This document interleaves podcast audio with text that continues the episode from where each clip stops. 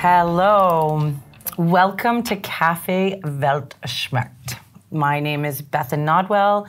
I am from Freedom Fighters Canada in Canada, and it is such an honor to be here with you. I am here with Dr. Jaap right now, and you may, he's been here before. This isn't his first time. Um, I would like to welcome you. Thank you Thank for you. taking this time to talk with me. Um, perhaps you could tell people who have who don't know you, haven't met you, what it is that is your expertise, and we'll begin there. All right, um, Jaap Hanekamp. I'm a chemist by trade. Uh, did my PhD in 1992. Uh, did a lot of work in the field of um, um, society and science.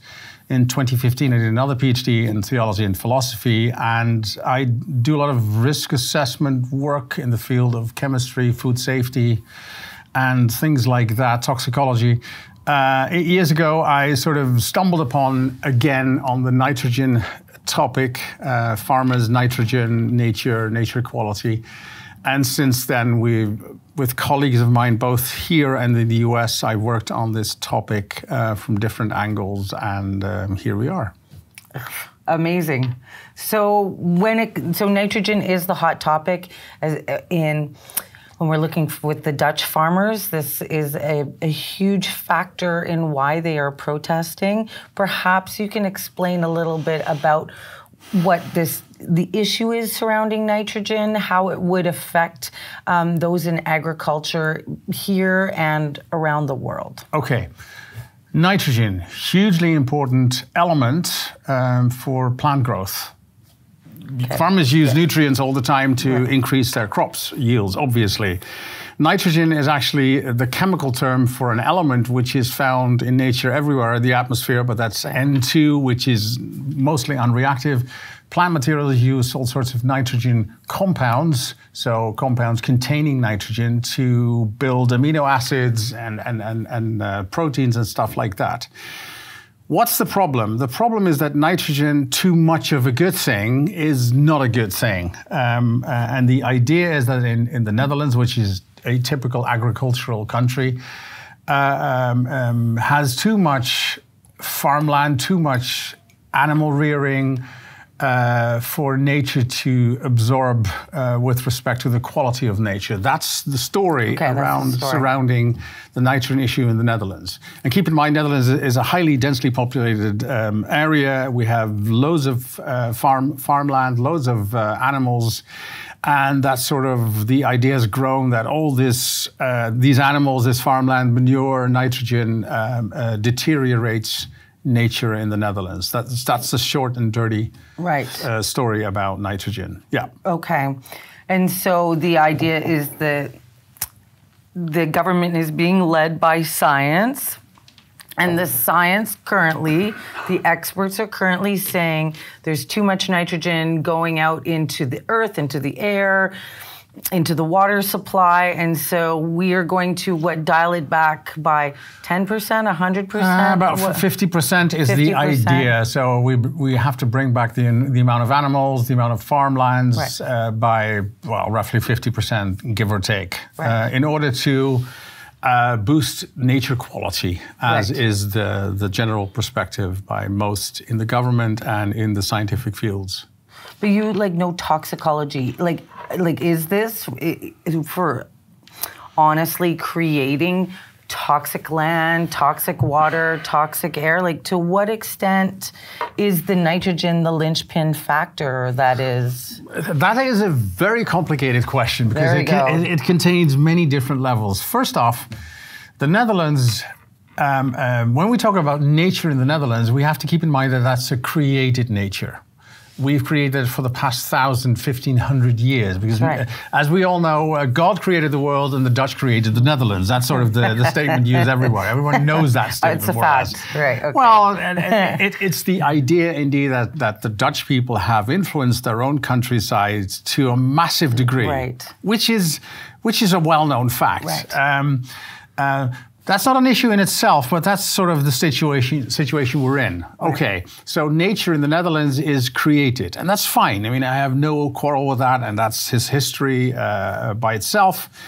Um, the other thing is, yes, we would like to maintain some kind of uh, of nature areas in the Netherlands. That's that's fine by itself. I have no quarrel with that. Now comes the hard part, because what what has what effects does nitrogen have on on the nature areas we have? Again, artificial by nature. Um, it has effect because n- nitrogen compounds are used by farmers not for nothing. They use it for increased crop, uh, crop yields, right. which makes perfect sense. So nitrogen has an effect. Nitrogen compounds have effects on on the growth of certain plants and the reduction of growth of other plants who dislike, so to speak, right. uh, nitrogen compounds. But the question is is that the dominant factor, or is it one of the many factors we have to deal with in the Netherlands? And my point would be that it's one of the factors we have to deal with. Right. There are many other factors which influence quality of nature in the Netherlands as is, like, for instance, temperature, climate, uh, how much. Um, uh, um, how much rainfall there is. We have sometimes snow, but that's very rare um, uh, groundwater level. So there are many different factors influencing the quality of nature.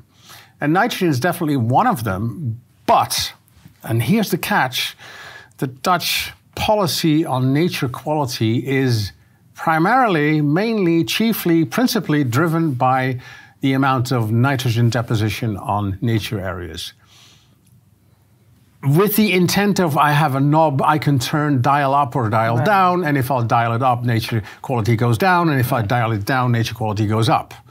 Right. That is basically the the, the, the, the, the nature policy we have in the Netherlands, and that's simple mm. and easy to communicate, but it's completely beside the point. Mm. Uh, this is not how it works, and and and we we know that. It doesn't work like that. Everyone knows that it doesn't work like that. But the way we, we have communicated this to the public, say, less nitrogen deposition from farms means better nature quality. Right. That's an easy way to communicate stuff to right. people. It's completely beside the point. It's complete nonsense. Right. It doesn't it's work like that two way. Two plus two is five. it's multifactorial. Yes, like, as always. But I, have noticed when even being here in the Netherlands, um, at night it's really dark. I mean, they've turned off all the lights um, outside, streetlights, mm-hmm. and so it, they're they're trying to you know save the planet by turning the lights out on everybody, but now all of a sudden there's safety concerns. A, you know, it, it's like there's dangers with being a woman walking around alone at night, but um, there's also like just grandma's gonna trip and fall and break her hip. Like she needs to see the stairs. But we're doing this to save the environment. That is a very um, good sort of metaphor for what's going on here every choice you make in life has a so-called trade-off. Right. There's always a trade between the one and the other. I mean, um, um, that's part of life. If you make a choice for A, you can't choose B, and vice versa. And that is what's going on continuously. If I, if I drive a car, um, it's an interesting example of uh, airbags. Uh, right. Airbags to increase safety in the car. Right. But the funny thing is, people start the, at the first instance when these cars came on the market uh, people try to st- start driving more recklessly because hey, I'm protected. So, right. I, so that sort of it's called the risk homeostasis. If you uh, increase safety, you increase risk. Okay. Um, same with mountain climbing and, and mountain walking. I mean, if you have all, all kinds of safety gear, you think you can do more dangerous stuff because you're safe anyway. And yeah. that's partly true, but partly not true. Yeah. So uh, and I think airbags are, are, a great example to explain that, to, to show that, yeah, there's always a trade off somewhere. Um, right. So, and that's the same with this. I mean, uh, you can reduce nitrogen uh, uh deposition because less of less farming. But the first thing is, how much must can it cost us in terms of how much? It's the return of investment thing. Yes. I mean, yeah. okay, you invest in something. You know there. Um, well, we know nothing about that because it hasn't been done. Okay, so this has never been done before. No, no, right? it's really like we're weird. just we're just doing something. It's a bit left field. Nitrogen has right now the best marketing campaign, media strategist. There's never been sort of an element on the periodic table to become so famous and yeah, well. so like predominant in sort of the cultural psyche. Maybe and, and, and, and it's sort of weird. I, I, sometimes use the example of. Um, um, um, production of nuts, like cashew nuts, pistachios, and stuff like that, we have rules and regulation for food safety. Right. And one of the problems nut production has is is um, um, fungus, um, and fungus are everywhere. I mean, they're Yes. ineradicable, basically. Yeah. Um, but they also produce very nasty toxins. Now, you can say, I don't want these nasty toxins, but that would mean basically sh- shutting down every nut production in the world. No ca- cashew nuts, no pistachios, no nothing. That's what would be a tragedy. we can't do that, But we don't do that. Yeah. We start to, how much is bearable for an average consumption through a lifetime? That's what we do. I mean, that's my business. That's what I, uh, scientifically, that's what I do for a living. So we always make sort of a, a trade off between essential production on food on the one hand and the risk we take when we do that. And there's always a balance. But for the nitrogen policy, we have done nothing like that. We simply implement the standards as found by science. That's what, at least that's what people say. End of story. So we have no idea what the return of investment will be. Nothing. Uh, it's simply stated that it's good for nature. Yeah, okay. Can I show you? Can can I get shown how this works in terms of money, in Right. terms of investment, in terms of time, in terms of whatever you can imagine? And there's nothing of the sorts being done. So we is- don't know when they got to 50%. Like how did we get to that number? No. What do we feel the No. the outcome of cutting it from 50%? What do we definitively know that cutting nitrogen um, emissions, is it Yeah, the it's nitrogen emissions, yeah, yeah. by 50%, how will that impact the actual um, production quality, volume of animals and and plants say, Well, in the agriculture uh, system? Are they going to drop by 50% or are they going to drop even more? Probably Like- even more because, Right. of course, uh, Dutch agriculture is quite quite big, Sophisticated. sophisticated. Yeah. So it's not just the farmers; it's also all the industry surrounding the farmers, right. which has to reduce production or lay off people and stuff like that. So that's only the economic side, apart from the social side, because we kick out farmers from land they probably have owned or have owned for a long time. Um, so that means that we top down, we, we on the one hand we greatly reduce production as such, and also employment and stuff like that. We we intervene with a social uh, network of farms and farmers, which has been around for a long time, uh, without knowing what the return of investment will be in the quality of nature.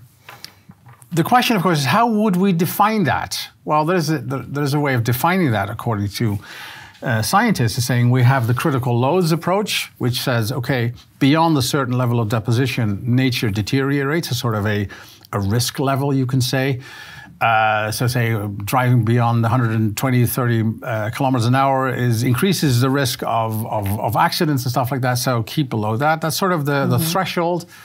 And on the other hand, there is a model called AERIUS, which calculates the deposition from emissions, transport, um, distance, Right. and so on and so forth. So basically, you can say the nitrogen policy is reduced to two things: is the critical loads, and this model. That's it. So it's a completely virtual world of trying to understand what happens if we reduce emissions. So when you're saying a model, like are we talking about modeling? Like Modeling, we- uh, mathematical models. Mathematical. So the, the- same models that brought us COVID modeling, which is our death rate model. is, uh, this, Yeah, we- the- is it the same principle? Because Modeling is mathematics, basically. You try Mm. to reduce the world in a model based on, on mathematical rules, which is Right. fine by itself. Right. People moan about that, but science can only do so much. Right. So you shouldn't moan about the models. That's not the problem. You should moan about the people who act on it. people who act on it, who understand or do not understand what the results are and how what they look like.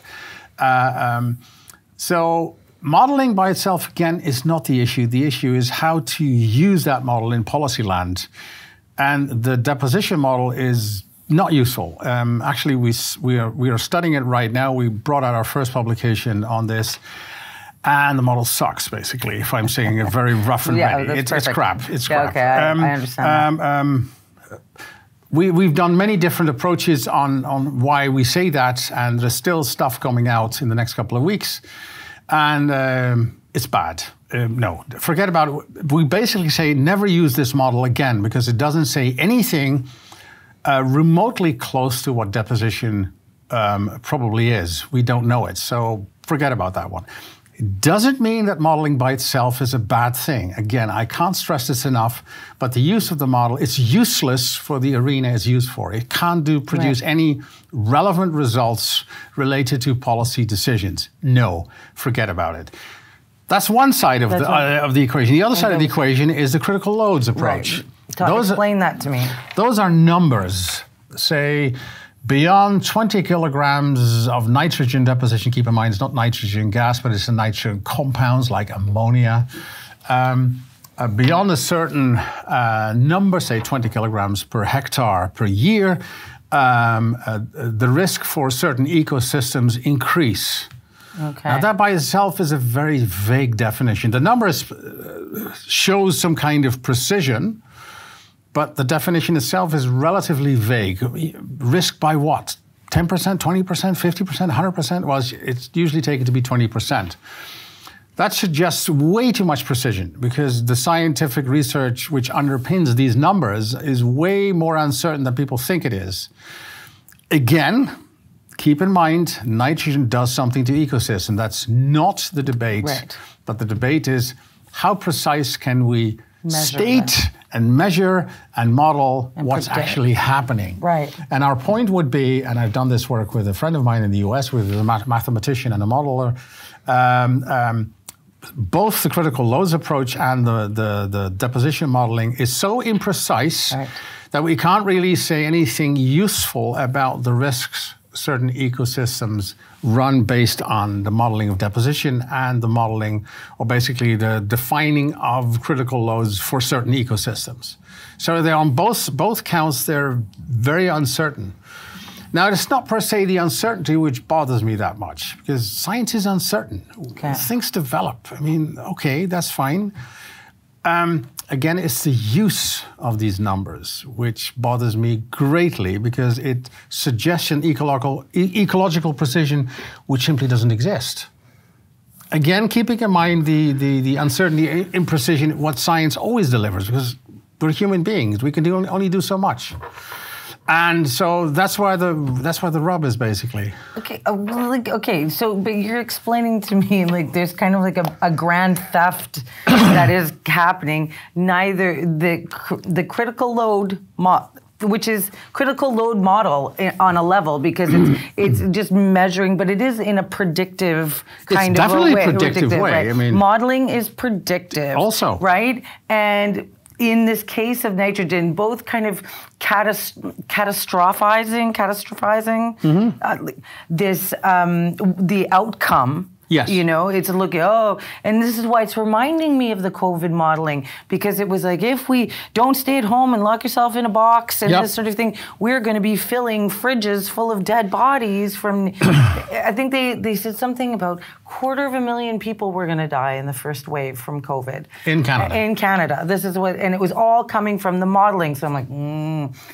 Unfortunately, maybe the people who make models are now experiencing, you know, a lot of uh, people now mistrusting their their work because it was used as a weapon Yes. to keep people in lockdown and keep people and, and there were all sorts of collateral damage from using those models to But keep in mind, down. the COVID models weren't really models at all. They were just guesses about people's behavior, which he can't really Right. make, make numerical. It's about behavior of people, and those aren't really models. You just guess something about something.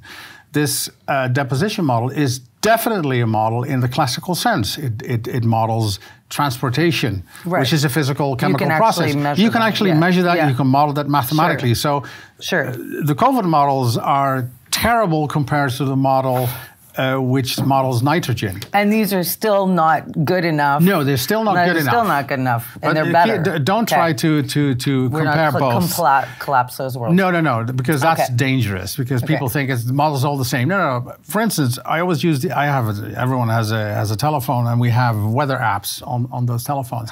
And weather apps are great because the modeling for weather prediction are quite, actually quite good within a certain set of hours. They're Right. pretty good. Right. Why are they good? Because they, they compete with each other. I have one app which actually has all the weather modeling for, for wind speed, and they, it's about eight or 10 models, and they co- compete continuously with each other. Right. Uh, so that's pretty nifty, actually. Yeah. These models are quite good. Right. But they are strenuously tested, for which, for instance, the, uh, the AERIUS model use is hardly strenuously tested at all. We have shown that in, in our paper. It's, it's hardly tested to the limiting strength as weather models are tested. So it's, it's, it's, it's a mathematical model, that's all fine, but it's hardly tested properly. So, in looking at this nitrogen modeling, you're saying now that there there's many there's many different models that one could potentially look at, and they're only with this. You know, we're going to reduce nitrogen by 50% based on this one model. But you you're saying you could have many different. Well, there are there are a few models out there. And then there. the best one would like a survival of the fittest, the the one that Um, um, we use in the Netherlands one model, um, and, and only one model basically for the policy itself. It's actually Okay. part of law. It's actually mentioned right. in the law, like critical loads are mentioned in law. Okay. Um, which is, of course, a bad idea because science develops. If, if someone says follow the science, mm-hmm, okay, that means complete fluidity because things ch- might change per day even. But that's not, of course, what people mean. People mean follow the science. It's it's um, it's carved in stone, and that's not how science works. So the idea that that in the Netherlands we have law where you state these two science sciencey things is a bad idea in itself because tomorrow might come along a model which is far superior to what we have now. Uh, and we still want, don't want to use it because we have said in law that Oh, this model should be be used. used. Yeah, Right. bad idea. Right, right, right. There are a few models out there in Europe, and they all have their strengths and weaknesses, but they're not as tested as weather models. Not Right, even close. right. So even the models out there for nitrogen emission transportation and deposition are relatively weak, so to speak. or like from a scienti- nascent, or like they, no. they could just be developed more. Oh, or they should be developed much yes, more. much more that- before we start using Yeah, them. Exactly. Okay. Uh, and again, this is not per se. Uh, this again, how models are used are thought about uh, about the results these models produce. They're given far too much weight. Weight. Yes. Right. Yes. Yes. Far right. too right. much. Right. So this now, I, I mean, this has real life impact. I mean, we're Yes. talking about critical loads, which is a model, and on a level like it's prediction. It's a little bit of fiction. It's a little bit of imagination. Like it, it- there's, it's, it's, you know, a not tangible reality. Modeling, not. No, hang on, hang on. I know you're like Mr. Precise guy, but uh, let sorry, me yeah. just get to Yeah, the okay. question, and then and then you can. so, but you know, there it's it's dealing on a level with the intangible. It's it's what it's predicting, theorizing could possibly happen, and then we're supposed to test out those theories, and in fact, they do transpire. But this has real life, like consequence to humans. You know, these Yes. what what's being put in place is going to do what? Kill jobs, kill farms, kill people. We we're not going to eat. Are we going to starve? Like what? What are these models actually? How does it play out and affect humans? That's a lot to unpack here. Yeah, sorry. Um, um, first thing, yes, it has real life consequences, but a good theory, a good model, whatever it is, should be predictive in a good sense. For instance, if my weather app says in about two hours we have a massive drop in temperature because of a cold front coming in, that's a prediction. Right. Because we're not there yet in two hours. Right. And guess what? Most of these weather models are pretty good at that. So when you say good, you mean accurate. accurate. I mean, yeah, right. yes, it happens. Within two Right. hours, it's going to be temperature drop, Right. going to be freezing, slippery roads, blah, blah, blah. So that's real world uh, uh, results, conditions based on a predictive model. Okay. And we know it works. Right. Brilliant. I love it. Um, um, for planes, for instance, massively important. If there have wind shear or other terrible conditions which you should not be flying in, that's all predictive. Predictive, right. So the best models are predictive in a good way, that they actually predict something that's going to happen. Accurately. Yes. Um, within a certain range, obviously. Sure, Not, sure, of not by any precision Right, as we would like to have it. Now, nitrogen. It's the same thing. I mean, the AERIUS model is predictive. It needs to be predictive. Uh, in a sense of, suppose I have a new farm where we have 400 cows, we have such and such emission of so much ammonia. The model predicts that means deposition at a certain range of that amount of nitrogen, ammonia in this case. That's predictive. Guess what? Can't do that.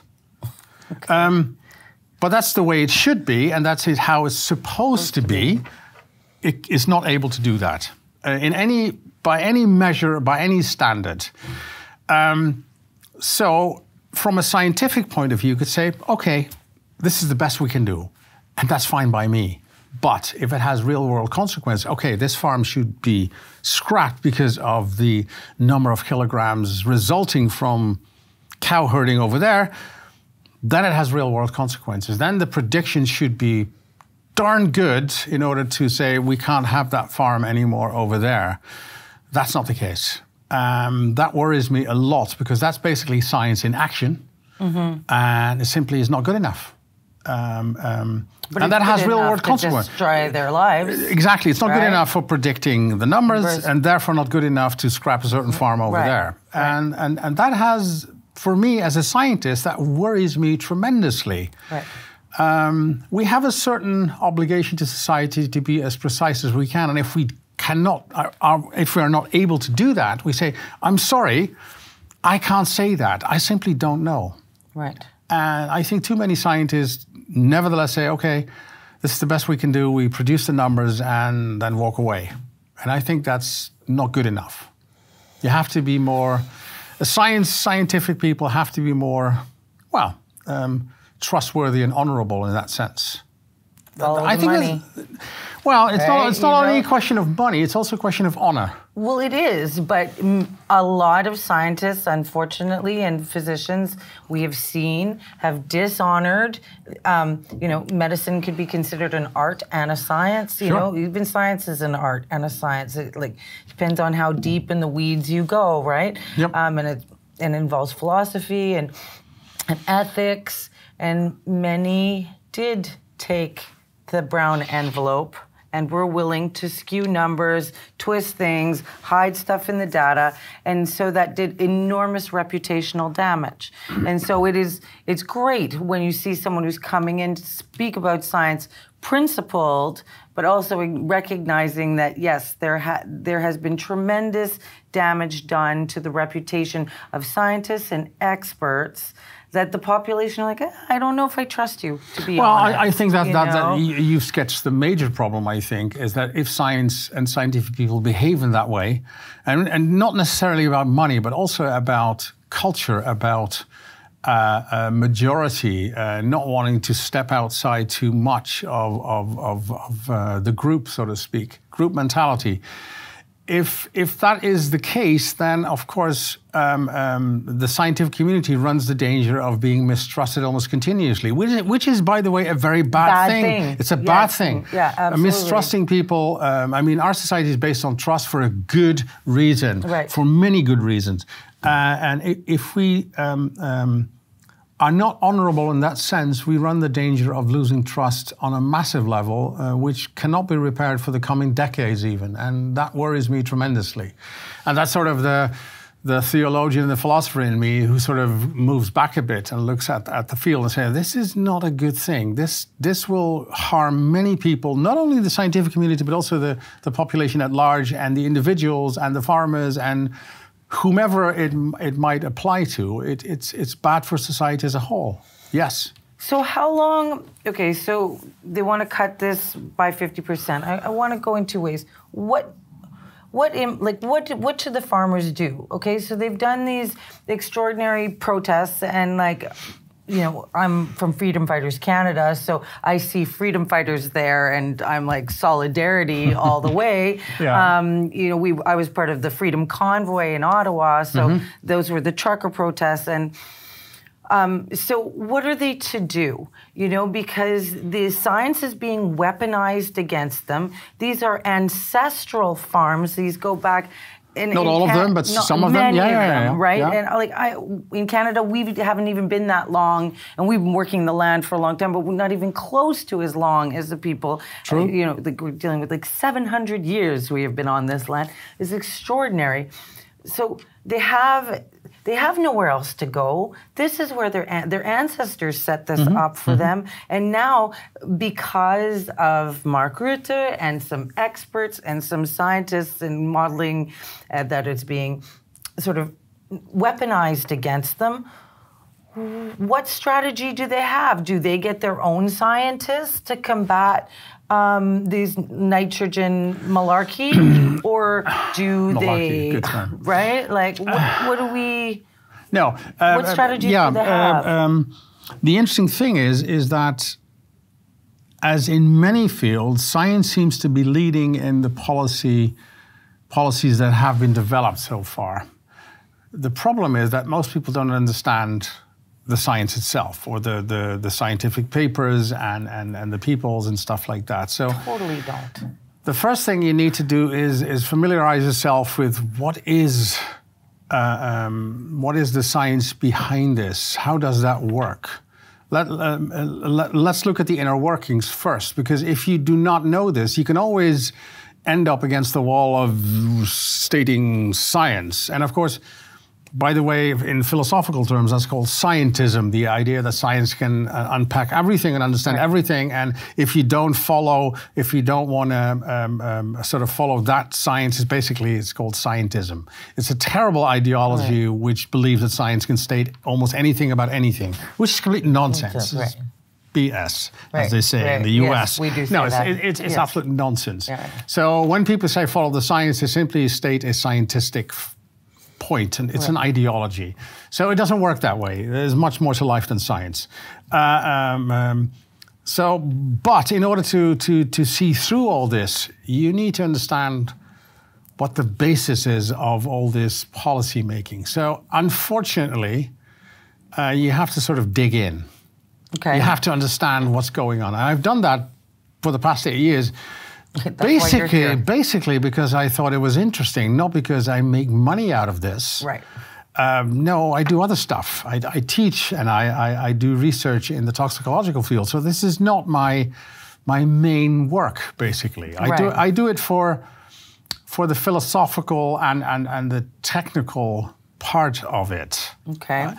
With of course the massive uh, repercussions on society because I, I, I sense that deeply. So okay so how much influence can that this scientific field have on society? So i need to unpack this. I need to know what's going on. Okay. and i do. And you have? and i have. And i Okay. published it and i published stuff on this uh, uh, both scientifically and publicly. Uh, i have my own blog. I, I blog. It's great fun to do. Uh, there's no peer review on that one. I can do what I, Right. I can say whatever i want to say. Um, so I've unpacked this for the past eight years, and basically what I do, I dug, I dug as deep as I could, as far as it goes, and, and tried to sort of figure out this is what it's all about. Okay. But it took me eight years to fully understand it. To Sort of okay, this is all reduced down to this model and this critical load story. Those are the two things which sort of are the main thrust of the policy in the Netherlands. Okay. Um, but that took me a while to sort of figure that one out. Uh, yeah, it took me a while. And there is no other way because obviously a democratic society could do differently. So, no, I don't care about science. General people, people of, of Canada, people of the Netherlands, how should we do this? Should we maintain and sort of do the whole democratic process? It will take a while, a lot of pros and cons and protests and stuff, but at least you have an open debate. Now you have a closed debate. You have a debate between uh, uh, policymakers. Oh, the science says X, so we should do X. And keep in mind, by the way, and I haven't touched on this, there is no policy required on any level when the science is clear on anything. Science doesn't dictate what policy should do. That's complete nonsense. Even if there is 100% certainty and God ourselves told this is how it is in the scientific area, we still don't have to decide anything in line with what God has just said through science, Right. metaphorically speaking. Right. So the idea that science should be completely in, league, in, in, in line or, or, or leading in policymaking is absurd, is absolutely absurd because there are other things to consider, like socioeconomics, like return of investments, like politics, like decision making. You can name so many fields which are also involved. And what we've done in the Netherlands, throw everything out the window except these two things. And that would decide policy. What an absurd idea. Right. It, they've got two variables. and there's literally a thousand. And again, even if these variables would be precise Accurate, to, to, to a nanometer, that's irrelevant. It's Right. still Still- irrelevant because we have so many other things to decide on. And of course, it's not the case. Both are very vague, very, very obscure, very, very imprecise, which is scientifically speaking, again, not a major issue, but it is if it's presented as precise and then um, uh, uh, subsequently used as a policy uh, thing, which is absurd. So what do these guys do? Like, you put yourself, you're, you're, you're a scientist on one hand, you're a theologian, philosopher on the other hand. Do a little play acting. Suddenly now you're sitting in the boots of a Dutch farmer. You're there. You have a bunch of kids, an ancestral family farm what and you're facing this mm-hmm. what are my what are my what are my best smartest strategies to to come out of this mess because I would maybe feel in that position that the this experts using science are weaponizing it against my family, my farm, my home, my income, my life, my culture. What do I do? What's my best strategy out of this? The first thing you need to do is if someone says something about in this case nitrogen, and we've done that. It's hilarious. Uh, and they say, okay, this, this is X, Y, and Z, and we, we've shown this uh, through pol- uh, publications. Give me the raw data. That's the first question I would ask raw data. Give me raw data. And guess what? They don't have any. They do, oh. but you won't get it. Okay. And I've played this game a lot, and I must say, uh, the first rule of science is if you publish something, which has empirical data uh, beneath it, you have to pub- co-publish the raw data right. next to the publication. That's right. Always. Always. That's the rule. That's that's the, the the scientific ethics. Of course. I mean, I'm a chemist by trade, and this and whenever I would publish anything on on, on the scientific field I worked in, in, in organic chemistry, I had to deliver everything to these journals, the whole the whole shebang. Right. I couldn't uh, hold back anything. Unlike and guess Pfizer. What? I don't want to get started. I don't want to get started. No, no, no. yeah, yeah. But not, that's on principle. That's you the, have the, this, and then you have the supporting documents always, to go alongside. Always, always. That, I mean, it has nothing to do yeah. with either it's it's uh, it's Pfizer or anyone else. Right. If you publish right. something in a, in peer-reviewed literature, this is what you do. Yes. These are the rules. End of story. There's no discussion. There's no discussion on yes, but no, no, no, no. Right. That's not how it works. Yeah. And guess what? It doesn't happen that way. So, for instance, th- this is an interesting story. This AERIUS model, this deposition model, which has been used for 30 years now, um, I was part of a committee which had to review the science behind the nitrogen policies. Okay, fine. It was a, was a ministerial cabinet um, um, um committee. I was part of that committee. So we reviewed stuff. Uh, we produced two reports, which were relatively critical, but also uh, it was sort of a mix between. I would have seen like to see more criticism, but it goes as far as it goes. Okay, fine. In March, a farmer asked uh, the, uh, the, the main institution which runs the model, give me the validation studies on the model, and FOIA, Freedom of Information Act. Yeah. It was put on the table. I thought, hang on a minute. As a committee, we should have got that stuff. And of course, people say then usually, but you should ask for it. Wrong. I should not have asked for that. It's part of the thing. Here's a committee sitting at the table of all these people at this institution that should have get, delivered it immediately, without question, without asking. Right. they didn't do that. And I was sort of slightly miffed about that. So this is not how we play the game, people. Mm-hmm. Sorry. Okay. Uh, subsequently, the raw data was asked. No, couldn't get that one. Mm. I said, okay, friend of mine is, uh, again, this American friend of mine, Matt Briggs, is a, is a well-renowned, well-known modeler and, and statistician, and we, we reviewed these validation studies and showed that the model's crap. By the way, the validation studies themselves said that the model performs poorly, right. which is very, very polite English of sort of this model sucks, sucks. basically. Right. But this Garbage. is polite language, right. uh, parlor, as they say. Um, so we produced this paper, which we sort of reviewed these validation studies, and within the hour, we got the raw data. Hmm, huh. fascinating, I thought. So, wow. well, I have some theories, but one, one idea is the hope was that we couldn't do anything with the validation studies themselves, which we could, thanks to my colleague in the US. Uh, we produced a rather uh, feisty paper saying, oh, this model is seriously crap. Um, now we have the data, so we come with round two. So it's going to be more fun uh, for us, not for them.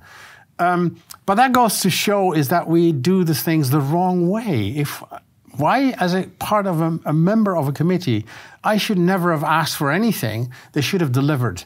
That's how we do science. And there was a FOIA required to get that validation studies on the table, which doesn't make any sense. It's ridiculous. Right. And then even the raw data came after that, which is sort of why all the hassle? Come on, people. You you regard yourself as a scientific institution, act like one. Right. Um, so as a farmer, Yeah. I would play that trick. Okay. Okay, show me. Show you me the have raw that data. paper? Oh, it looks very interesting. Can I have the raw data? And and for 99% sure, they wouldn't give give you it. And that means there's always something fishy going on. Right. Always. I mean, if you're an honest to God, uh, um, um, truthful scientist, you would immediately bang deliver the whole shebang on the table.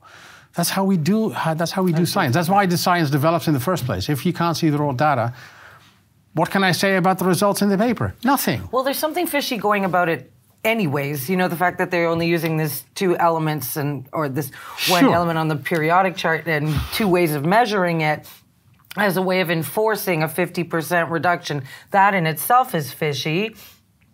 Um, and you mentioned, and then- then you're going to say, "Oh, I'll ask for the raw data," and then they're not going to give it to you, which is doubling down on the smell of fish in here. And then you know you want to have a debate about it. Okay, so I'll, I, you know, I'm a smart farmer. I'm resourceful. I know scientists too.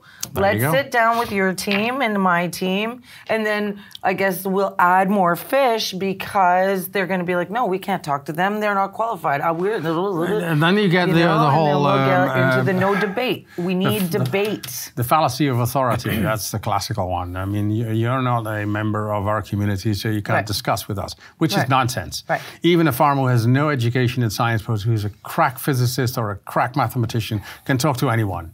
Um, um, that's how science works. I mean, originally, scientists were usually uh, pastors in, in, in some Reformed church, and they were really Right. bright and they Yeah. studied, studied stuff. There are many examples of that. So, Right. um, and there's another problem as well, and that's a democratic problem in the Netherlands. Many of our decision making has been delegated to scientific institutions. So they simply listen. That's what happened with COVID as well. We had two two parts, two two committees of people uh, who stayed um, uh, considering X, Y, and Z. We should do, do this, and the government said, "Okay, we're going to do that," which doesn't make any sense because again, science is an open debate where everyone can join in. Yes. Um, unless you, you, you, Unless you you're a talk, monkey, like you're, an idiot, yeah. or, or you're, you, you talk gobbledygook. No. Yeah, you do. But other than that, yes. You don't want me there. I, I can't say for I, I don't I don't know you, so I don't know. No, you don't Um, want me there yet. For So, sure. um, but with the COVID, but also with this, I mean, it's it's sort of a closed system of, of, of organizations and people who state stuff Right. about something, right. which I don't understand that. So, hmm, this is not how we play the game. This is not what we do in science. So, in the case of the Dutch, do you know if it were if it was um, which scientific institutions, Oh, or yeah, if yeah, it yeah. were We- multiple, No, no, or we're- we're- we're like multiple. No, no, no, there- there are- there are a couple, not and many. They're all coming up with the same answers. It, it's not it doesn't work that way. They all cooperate on, on different on different uh, fields and they come up with with uh, sort of a, a usually conjoined or separate reports on separate issues. But it's usually in line with what policymakers um, um, ask for. It's also a question how you ask stuff. If I ask something very narrow and you give an answer to that narrow Right. question, you're probably in line with what the question, the person who questioned anything, uh, wanted to hear. Um, but there are solutions to that. Uh, you can ask the same question to different organizations with different perspectives. You can do that. But we don't. We sort of have a limited set of institutions who are always asked the same questions on any subject, and they usually. I, I, I have experience enough now to write down their own conclusion before they started writing the report. I know roughly what's coming out of those reports.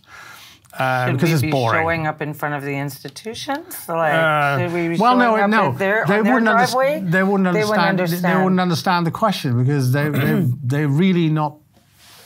They really don't understand uh, um, what you would be asking them. Well, do these like uh, should these scientific institutions that are now you know, and we are talking at the beginning that there's a lot of classism. Um, you know involved and you know there's the higher ups telling the working class what to do and they are they understand they are playing an instrumental role um, to what extent they're funded to you know to provide favorable outcomes to the upper class honestly you know? honestly i couldn't care less. I know you couldn't. No. I know no, you couldn't. No. i got a feeling you're not financially motivated and inspired no but no there no no but there's, there's something else there's something else. It's never the money it's never where it comes from it's always the content by the content, you can probably see something about money and, and whatever, but it's always the content. Right. It's always the same. Show me the report, show me the raw data. I want to do this again, review this, audit this, however you want to. and then we want to debate this And then we want to debate this. right Other than that, I don't care if they're paid by the by the government by the billion. I really don't care because it's always about what do you produce? How good is that stuff anyway? Right. How does it how does it contort to to the whole of the scientific community? What does it look like? Right. Um, and I want to ask my own questions on that as a scientist.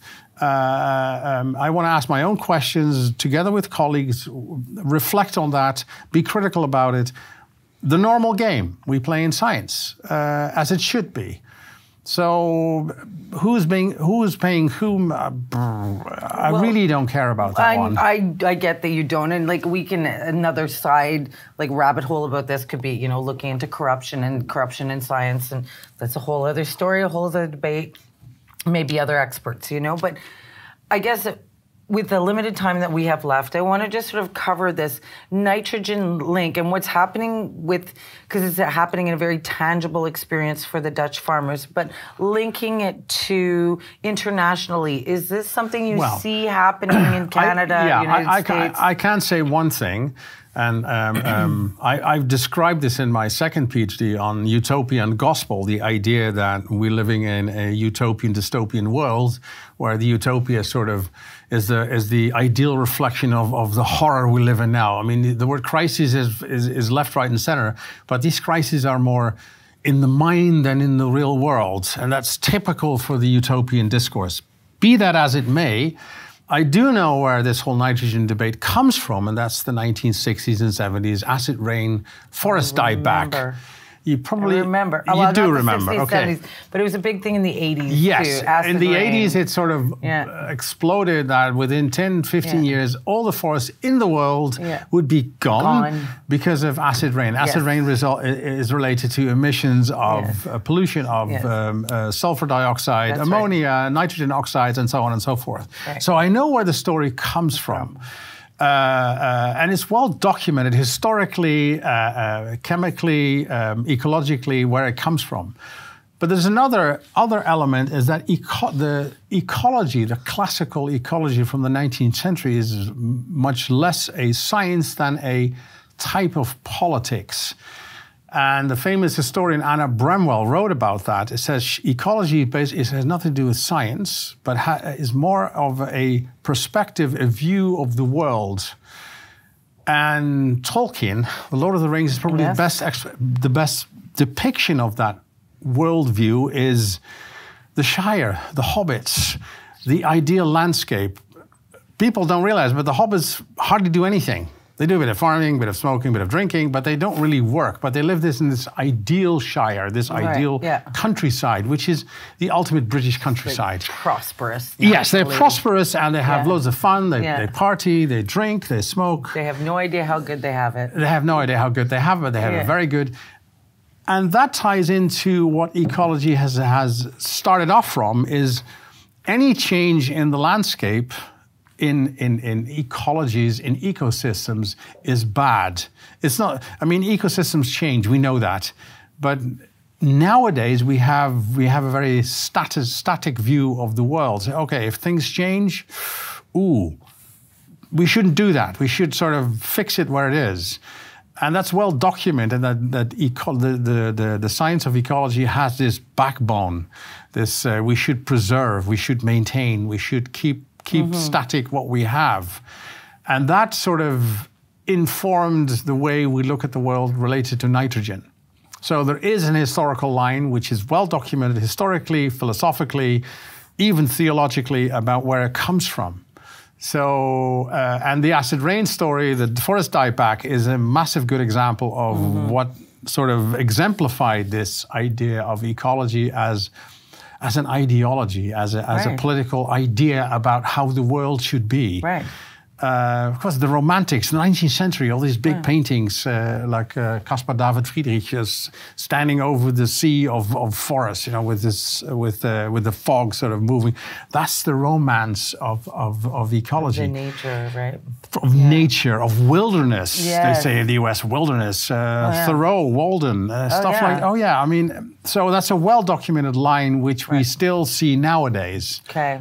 Um, so um, I, have I've written about that. I've published papers on that, and uh, yeah, that's that's the line you can see definitely in the policies we have nowadays. It's highly romantic. Fantastic, highly romantic. Yes. So, like, I, I'm glad that we got those tangibles. You know, the the the strategies for the farmers.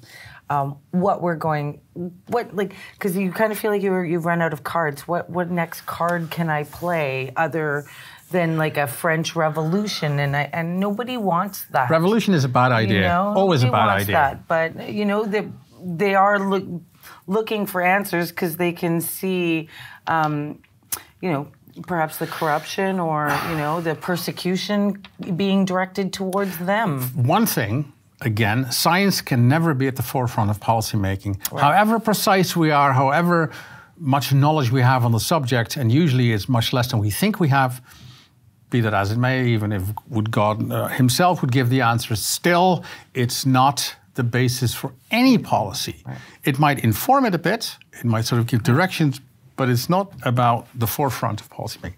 That's one. So we should leave that uh, path anyway, because it's a path to destruction. Right.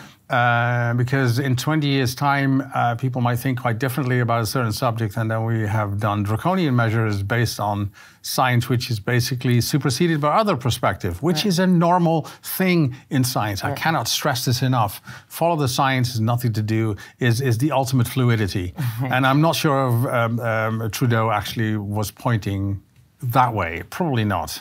No, but he um, said it enough yeah, times. Yeah, so uh, he, he didn't know what he was saying. us over the head with it uh, you know, we'll we'll do Trudeau conversation. No, okay, but, but other people this said this as well. Um, uh, same same with uh, with with the nitrogen issue. Um, basically, what I'm doing is basically pulling this ecological field within the science discourse. Mm-hmm. Because I've seen that the, the scientific discourse of the nitrogen uh, uh, discipline is without any critical reflection. There's hardly any. Yes and that's highly unusual. And I, I, I, told you about the history of ecology, so it's understood historically why that is. So that's my role probably is draw this ecological field within the, the scientific discourse itself. Debate stuff, be critical about what you right. do. Um, for farmers, I think it's uh, uh, um, um, pulling basically pointing to the scientists who drive this policy and also the policymakers who use the science as the drivers show me your cards, show mm, me everything. Show me everything. And I promise you that that will not happen. They yeah. keep their cards to their own chest. And that's indication enough that there's something going fishy, fishy going on. And if they do, more power to them. Absolutely. But mostly, my experience is, even as a professional scientist, mm, it's very hard to come by. So, the message to the Dutch farmers is guys, demand debate, demand to see the data. If you don't get those things, you yeah. smelling fishy up in here. It's always it's, it's yeah. like journalists. If, if if a journalist asks for something. Uh, papers on some topic and, and, and governmental officials know you can't get them. Most journalists know immediately, uh, hang on a minute, I don't mm, get this yeah, stuff. No, this, they smell it, they got a this, nose. This, they got a nose for that. Yeah. So that's the same here. Right. Um, so, yeah. Well, what a pleasure. Thank you for your time. Thank you for meeting with me and sharing with me and sharing with everyone who's going to watch this. We really appreciate it. We okay. will call on your expertise again. Okay. you know where to find me? Yeah, at least people here know where to find me. At least some people know where yeah, to find yeah, you. Okay. Yeah, All sure. Right. Thanks for your time. Pleasure. Thank you.